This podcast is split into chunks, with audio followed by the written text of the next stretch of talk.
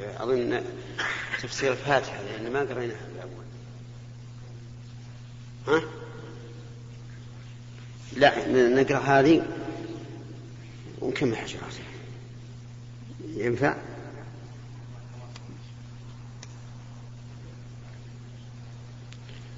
الحمد لله رب العالمين وصلى الله وسلم على نبينا محمد وعلى آله وأصحابه ومن تبعهم بإحسان إلى يوم الدين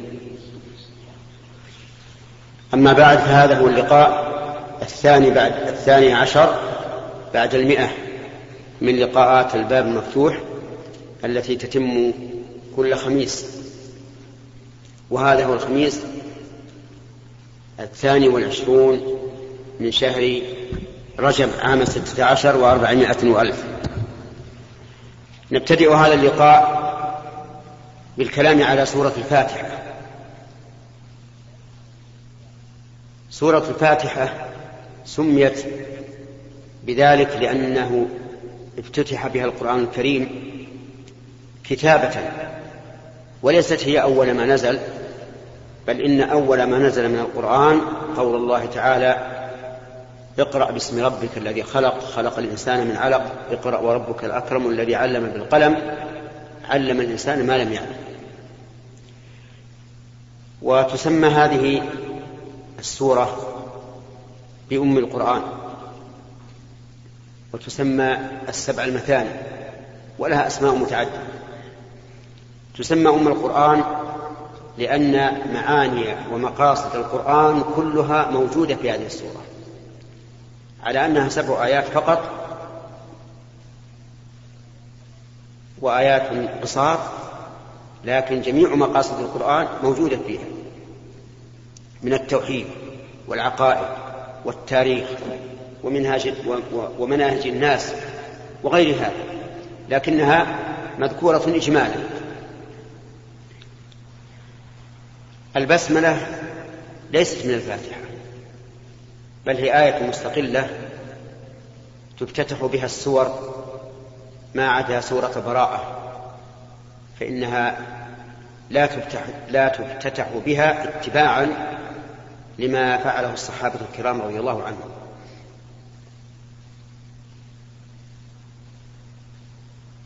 ويدل لأن ويدل على أن الفاتحة ليست منها ما ثبت في الصحيح من حديث أبي هريرة رضي الله عنه عن النبي صلى الله عليه وعلى آله وسلم أن الله قال قسمت الصلاة بيني وبين عبدي نصفين. فإذا قال الحمد لله رب العالمين قال الله تعالى حمدني عبدي. وإذا قال الرحمن الرحيم قال أثنى علي عبدي وإذا قال مالك يوم الدين قال مجدني عبدي وإذا قال إياك نعبد وإياك نستعين قال هذا بيني وبين عبدي نصفين. ولعبدي ما سعد فإذا قال اهدنا الصراط المستقيم صراط الذين أنعمت عليهم غير المغضوب عليهم ولا الضالين. قال الله تعالى هذا لعبدي ولعبدي ما سعد فهي سبع آيات. الثلاث الآيات الثلاث الأولى لله. والآيات الثلاث الأخيرة للعبد. والآية الرابعة وهي الوسط من السبع بين الله وبين العبد. وهذا أيضا ترجيح معنوي لكون الفاتحة بداءتها بالحمد لله رب العالمين وليست البسملة منها. الترجيح اللفظي أننا لو جعلنا الفاتحة من لو جعلنا البسملة من الفاتحة لكانت الآية الأخيرة طويلة لا تتناسب مع الآيات التي قبلها. لأنها ستكون صراط الذين أنعمت عليهم غير المغضوب عليهم ولا الضالين.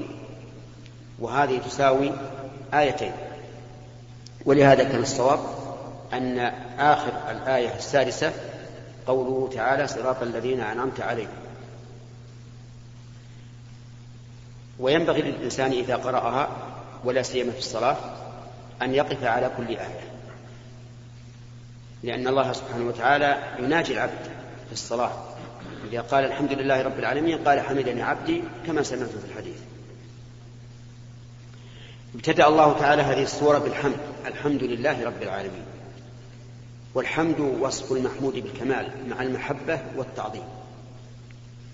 وذلك أن وصف الغير بالكمال قد يكون خوفا منه أو هيبة له أو استجداء له وهذا لا يلزم منه المحبة والتعظيم بدليل أن الشعراء يأتون إلى الملوك والوزراء يصفونهم بالحمد لكن قد لا يكون في قلوبهم محبة لهم أو تعظيم لهم لكن استجداء أو خوفا أو ما أشبه ذلك.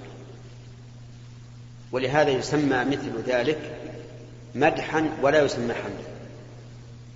أما الحمد فلا بد أن يكون مقرونا بالمحبة والتعظيم. وعلى هذا فالحمد أعني حمد الله وصفه تبارك وتعالى بالكمال الذي لا فوقه كمال. وقول لله الحمد الحمد هذه ال في هذا الاستغراق. أي جميع المحامد من كل وجه لله عز وجل. وقول لله اللام هنا للاختصاص والاستحقاق. أما كونها للاختصاص فلأنه لا أحد لا أحد يحمد بجميع المحامد إلا الله عز وجل. وأما كونها للاستحقاق فلأنه لا أحد يحمد حمدا يستحقه على الوجه على وجه الكمال إلا الله عز وجل. ولهذا جعل العلماء اللام في قول الله جعلوها لإيش؟ للاختصاص والاستحقاق. أما الله فهو علم على رب العالمين جل وعلا لا يسمى به غيره. ورب العالمين رب معناه الخالق المالك المدبر. أي أنها تتضمن ثلاثة معاني. المعنى الأول الخالق ولا خالق إلا الله. وقد قال الله تعالى منددا بالأسنان أفمن يخلق كمن لا يخلق؟ أفلا تذكرون. وقال تعالى هل من خالق غير الله يرزقكم من السماء والأرض؟ المالك لا ملك لأحد سوى الله عز وجل. هو الذي يملك الملك التام المطلق العام. وأملاك غيره محدودة. محدودة من حيث الشمول فلا أحد يملك كل ما, ما في السماوات والأرض. محدودة من حيث التصرف فلا أحد يملك أن يتصرف فيما يملكه ملكا خاصا إلا حسب ما شرع الله عز وجل. لكن الملك المطلق التام العام هو لله وحده. الثالث آه المدبر. فالتدبير التام لله عز وجل.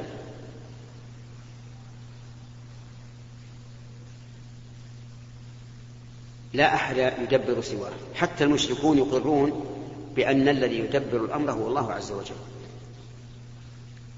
ولكن اعلم أن الله تعالى لا يدبر شيئا عبثا أو لغير حكمة. كل ما قضاه الله وقدره ودبره فهو لحكمة عظيمة. لكن من الحكم ما نعلمه ومنها ما لا نعلمه. وذلك لأن عقولنا أقصر وأحقر من أن تحيط بحكمة الله عز وجل. يرد على الإنسان أشياء من الشريعة ويقول كيف يحرم هذا؟ مثال ذلك يقول مثلا كيف يحرم على الإنسان أن يستبدل صاعا من البر طيبا بصاعين من البر رديئة والقيمة واحدة؟ هذا قد يشكل على الإنسان. وهذا وهذا حرام. يعني أن تعطي صاع من البر بصاعين هذا حرام على كل حال. فقد يقول قائل ليش؟ نقول إنك لست أحكم لست أحكم من الله. ولولا أن هذا يترتب عليه مفاسد عظيمة ما حرم الله على العباد. لأن الله يريد بالعباد اليسر ولا يريد بهم العسر ولا يمكن أن يمنعهم أي معاملة إلا وفيها ضرر إما منظور وإما منتظر. يشكل على الإنسان أن الله تعالى يقدر الحروب والفقر والجد جدب الأرض والقحط قحط السماء لا تنزل ماء. فيقول ما هذا؟ وش الفائدة؟ هذه مضرة على العباد. فنقول لست أحكم من الله. إن الله تعالى لا يقدرها إلا لحكمة عظيمة.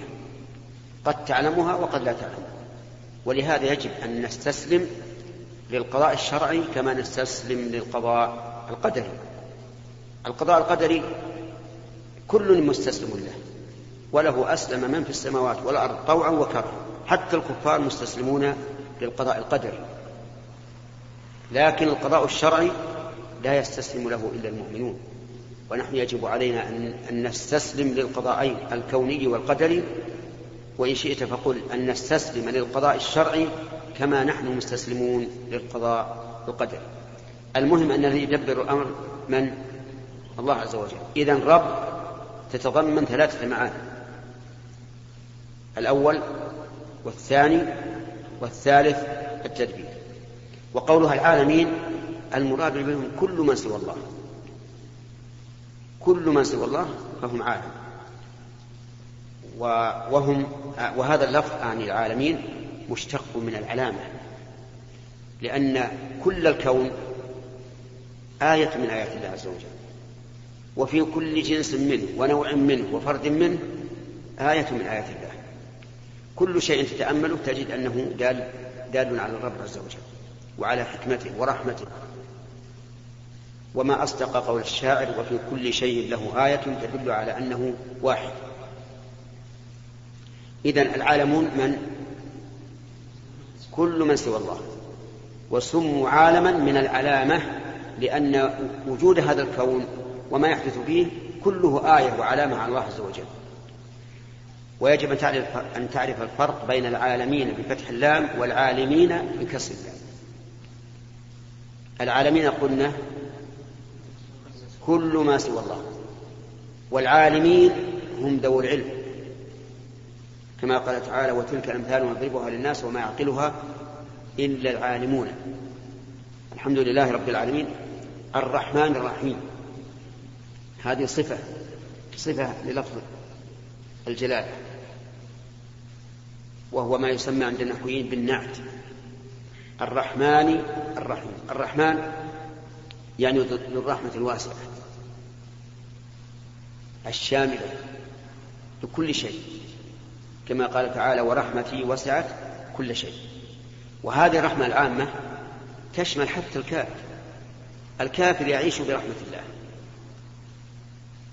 لولا أن الله يرحمه ما وجد غذاء ولا شرابا ولا كسوة ولا سكنا لكنه يعيش برحمة الله في هذه الأشياء. إلا أنها رحمة لا تفيده في الآخرة لأنها رحمة قاصرة في الدنيا فقط. الرحيم أي ذو الرحمة الخاصة التي تصل إلى من؟ إلى المرحوم.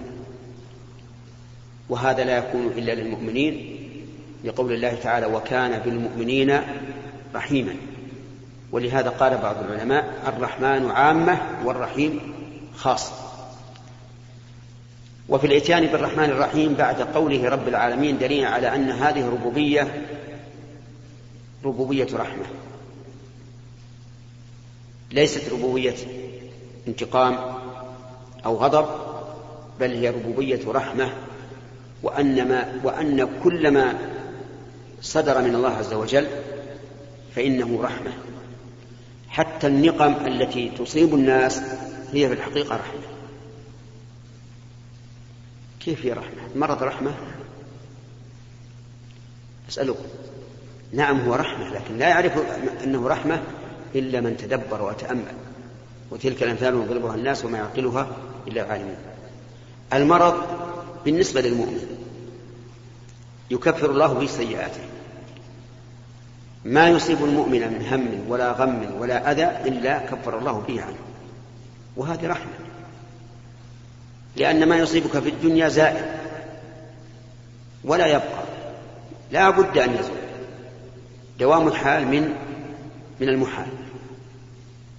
ويذكر عن بعض العابدات أنها أصيبت في في أصبعها وأنها لم تتأثر. وقالت حلاوة أجرها أنستني مرارة صبرها كلمة عظيمة. حلاوة أجرها أنستني مرارة صبرها إذا هذا المرض الذي أصابك رحمة. ثم إن المرض قد يكون سببا لرجوع الإنسان إلى إلى ربه إذا كان فارا من الله. قد يكون سببا لاهتداء العاصي ورجوعه إلى ربه. ولقد حدثت قريبا عن شخص كان مسرفا على نفسه. فاسق. بعيدا من الله. فمات أبوه. وبمجرد ما مات أبوه وأصيب بهذه المصيبة عاد إلى إلى الله واستقام وصار من خيار من خيار الشباب. فانظر إلى هذه المصيبة كيف أصلحت هذا. إذا نقول كل ما ما ما في الكون وما يقدره الله في الكون فهو ناتج عن رحمة. وقرينة ذلك أن الله لما قال رب العالمين قال إيش؟ الرحمن الرحيم. فليست ربوبيته مبنية على جبروت وعلى إحراج وعلى إعسار على العباد ولكنها مبنية على الرحمة. مالك يوم الدين وفي قراءة ملك يوم الدين. فمالك اسم فاعل وملك صفة مشبهة.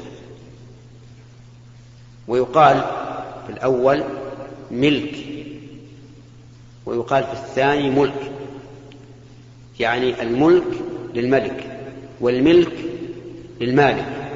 فتقول مثلا هذه الساعة ملك فلان. وتقول في مملكة تحت ملك تقول هذه المملكة ملك فلان. الملك والمالك قراءتان سبيتان صحيحتان يجوز للإنسان أن يقرأ بهما. لكن يقرأ بهذه مرة وهذه مرة في الصلاة وخارج الصلاة. إلا أنه لا ينبغي أن نقرأ بقراءة تخرج عن المصحف أمام العوام لأن ذلك يحدث فتنة. فإن ذلك قد يقلل هيبة القرآن في نفس العامي. أو قد ينكر العامي بقلبه أو لسانه على هذا الذي قرأ بقراءة لا يعرفها. ولهذا ينبغي لطلبة العلم أن لا يقرأوا بالقراءات الخارجة عن المصحف الذي بين أيدي الناس. لما ذكرنا من أنه قد يكون سببا لاستهانة العامة بالقرآن أو سببا للطعن في هذا القارئ وأنه لا يعرف يقرأ. المهم مالك يوم الدين أي أن أن الله عز وجل هو المتصرف في ذلك اليوم. لا أحد يتصرف في ذلك اليوم. أبدا لو كان أحد يستطيع أن يتصرف لأوجد له ظلا من حر الشمس. ولكن الله تعالى قال سبعة يظلهم الله في ظله يوم لا ظل إلا ظله. فهو الذي يخلق عز وجل ظلا في ذلك الوقت على من استحقه. كالسبعة الذين يظلهم الله في ظله. وقد جاء في الحديث كل امرئ في ظل صدقته يوم القيامة. كذلك هو ملك ملك يوم الدين. لا ملك لأحد لا, لا ملك لأحد معه. كما قال تعالى لمن الملك اليوم فيجيب نفسه لله الواحد القهار. يعني ملوك الدنيا مهما عظم ملكهم واتسع وقوي سلطانهم فإنه يتلاشى. يتلاشى من حين أن يموت. من حين يموت السلطان سواء كان باسم السلطان أو باسم الملك أو باسم الرئيس فإنه يزول. ذلك بمجرد موته وما يفعل من بعده من تعظيم قبره أو زرع الأزهار عليه أو ما أشبه ذلك فإنه لا ينفع. لا ينتفع به إطلاقا. لماذا؟ لأنه مات وزال ملك في يوم القيامة أيضا لا ملك إلا لله وحده جل وعلا. فلهذا قال ما ملك أو مالك يوم الدين. فإن قال قائل ما معنى يوم الدين؟ قلنا يوم الدين يعني يوم القيامة لأنه الذي يدان فيه العباد أي يجازون على أعمالهم.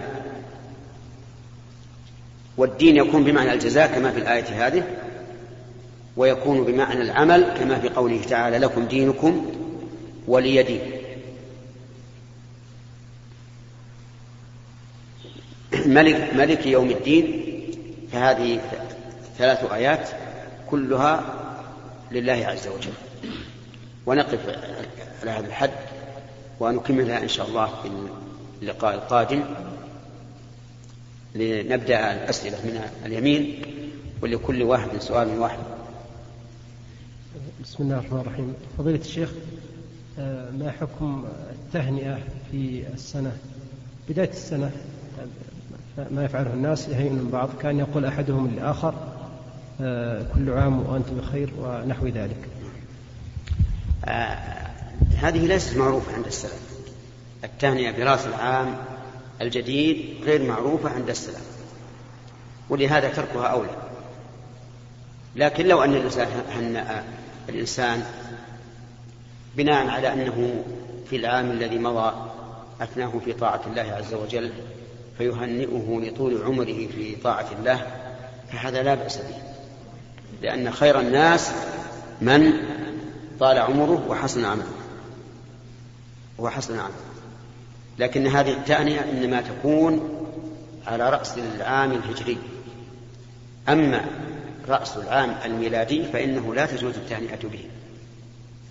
لأنه ليس عاما شرعيا بل إن هنئ به الكفار على أعيادهم فهذا يكون الإنسان فيه على خطر عظيم. أن يهنئهم بأعياد الكفر. لأن التهنئة بأعياد الكفر رضا بها وزيادة. والرضا بالأعياد الكفرية ربما يخرج الإنسان من دائرة الإسلام. كما ذكر ذلك ابن القيم رحمه الله في كتابه أحكام أهل الذمة.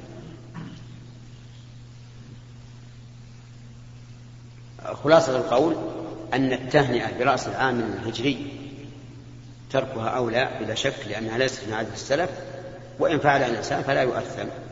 وأما التهنئة برأس العام الميلادي فلا.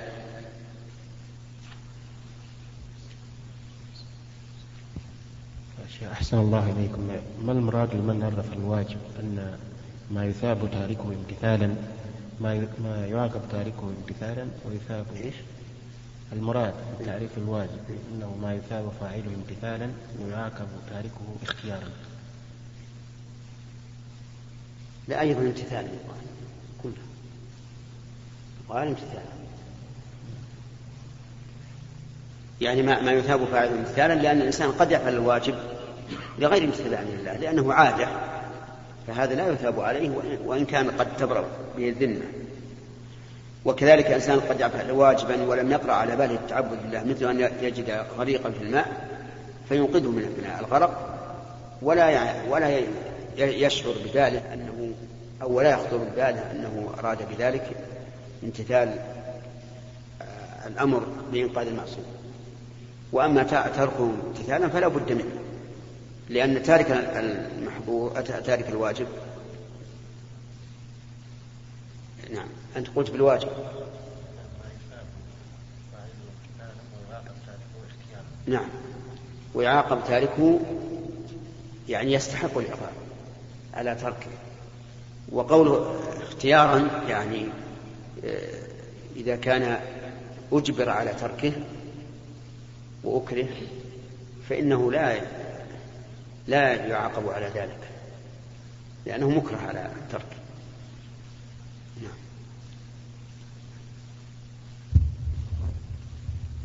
لا من أهل النيس الطلاب ما لهم حق حتى ينتهي الإخوان وافدون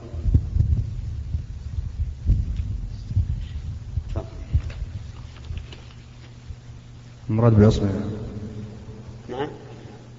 تفضل. نعم. يقول الشيخ عفى الله عنك المراد بالعصمة عصمة الرسول صلى الله عليه وسلم. إيش؟ المراد بعصمة الرسول صلى الله عليه وسلم. نعم. عصمة الرسول عليه الصلاة والسلام من كل ما ينافي الرسالة. فهو معصوم من الكذب معصوم من سوء الأخلاق معصوم من الخيانة معصوم من الشرك وغير ذلك مما ينافي الرسالة. أما ما يقع منه من الذنوب فإنه معصوم من الإقرار عليه. بخلاف غيره فإن الإنسان قد يفعل الذنب ولا ويستمر فيه. فضيلة الشيخ عفى الله عنك. هناك بعض الأحاديث يعني يتناقل يعني يعني يتناقلونها العامة مثل لعن الله قاطع السدرة. إيش؟ لعن الله قاطع السدرة. نعم. هذا الحديث. الحديث الثاني من قطع سدرة سدد الله رأسه إلى النار. والحديث الثالث آه، نعم من أراد أن يلعن نفسه فليكذب. هل؟ فليكذب. فليكذب. نعم. ما صحة هذه الأحاديث؟ كلها لا لا تصح. كلها. كلها لا تصح. لكنه قد نهي عن قطع شجر السدر إذا كان الناس ينتفعون بها. أي. في الاستغلال. مثل أن تكون منزل للمسافرين أو ما أشبه ذلك. فهذا قد نهي عن قطعها لما فيها من إزالة المنافع. التي ينتفع بها المسلمين أما الألفاظ التي ذكرت فلا تصح ما نعم. إذا كنت إماما ورأيت أكثر المأمومين في أيسر الصف وقد تراكموا وقد تركوا الأيمن فهل أقول لهم اعدلوا الصف الأيمن؟ نعم إذا إذا كنت إماما ورأيت الناس منحازين إلى أحد الجانبين الأيمن أو الأيسر. إيه، بفرق واضح.